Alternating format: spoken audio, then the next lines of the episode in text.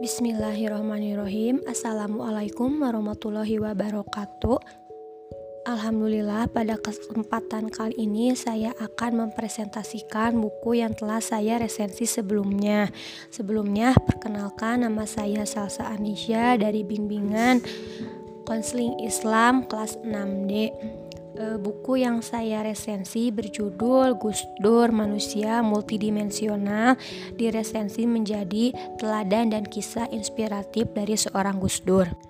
Adapun subjudul yang akan saya bahas yang pertama, pendahuluan. Yang kedua, keinginan dari seorang Gus Dur.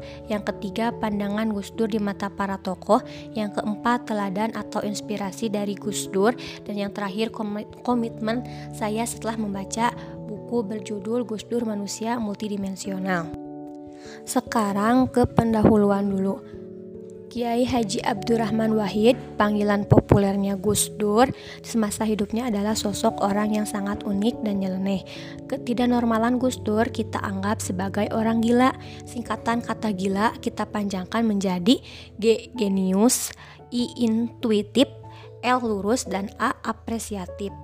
Gus Dur gila tidak diartikan sebagai kehilangan dan terputusnya sel syaraf otak, tetapi justru kelebihan dan tersambungnya sel syaraf otak beliau secara kuat sehingga mampu berpikir secara lebih.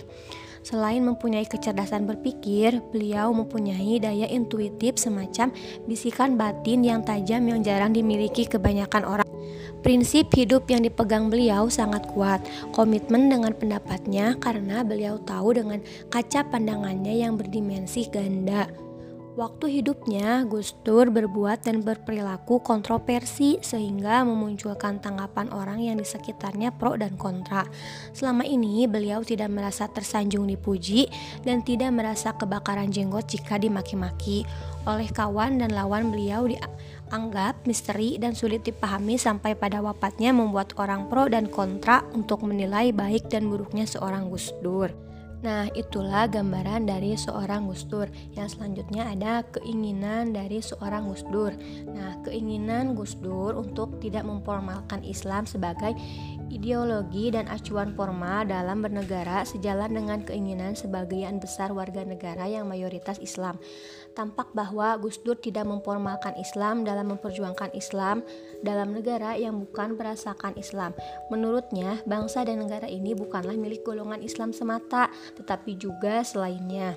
Hal ini juga sesuai dengan perjuangan pluralisme Gus Dur, akan tetapi asas tunggal sudah tidak berlaku lagi. Maka perjuangan pluralisme yang lain yang diusahakan Gus Dur adalah perjuangan pluralitas agama.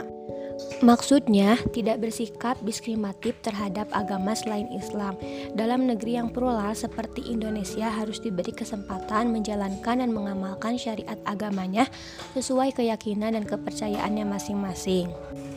Kenyataan di atas bukan berarti bahwa bangsa Indonesia sebagian besar berpaham sekuler dalam arti hendak memisahkan urusan agama dari negara, tetapi tidak lebih pada keadaan kemajemukan latar belakang agama, budaya, suku, dan kelompok.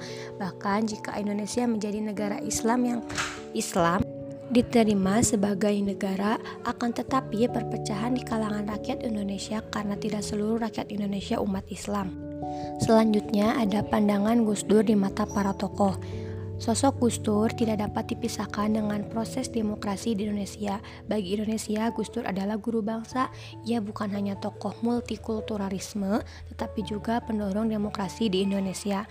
Mengawinkan demokrasi dengan nilai-nilai agama atau Islam yang dipelajarinya sejak kecil. Pendapat ini diungkap oleh staf ahli Presiden Daniel Sparinga dan Ketua Mahkamah Konstitusi Jimli Asidkwi.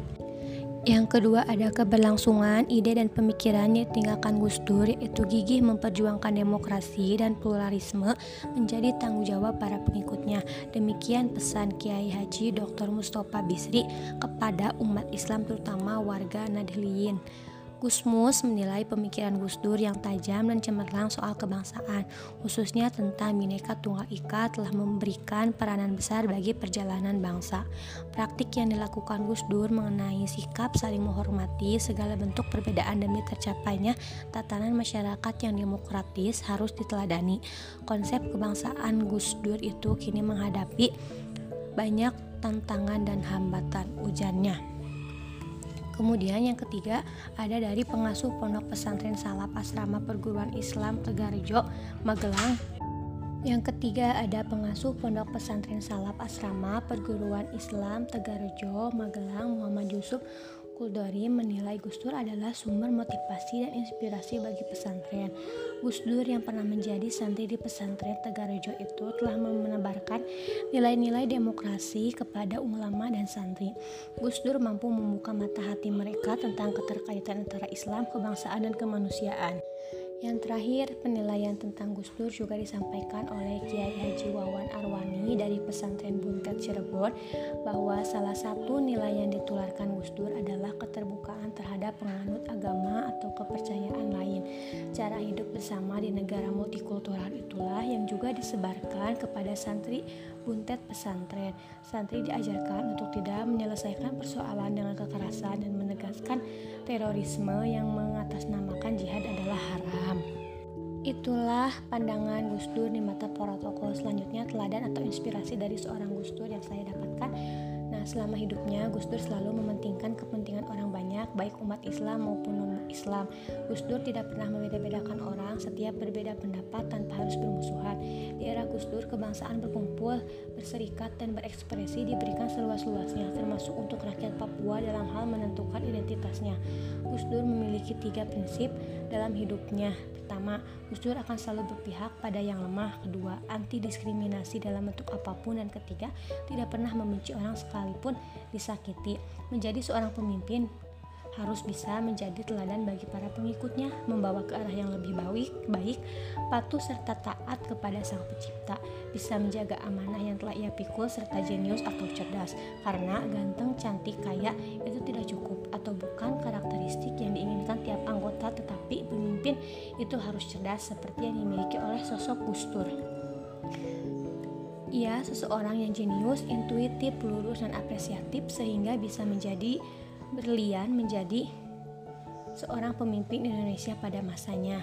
Komitmen saya untuk ke depannya setelah membaca buku Gus Dur Manusia multidimensional adalah bisa membagi waktu dan lebih menghargai waktu, menjadi pemimpin untuk diri sendiri dan belajar disiplin mulai dari hal terkecil, menjadi wanita yang mandiri dan pemberani agar tidak menyusahkan orang lain, tidak egois yang hanya mementingkan kepentingan pribadi saja tetapi mementingkan kepentingan bersama juga. Mungkin cukup sekian yang bisa saya sampaikan. Mohon maaf apabila ada kesalahan kata.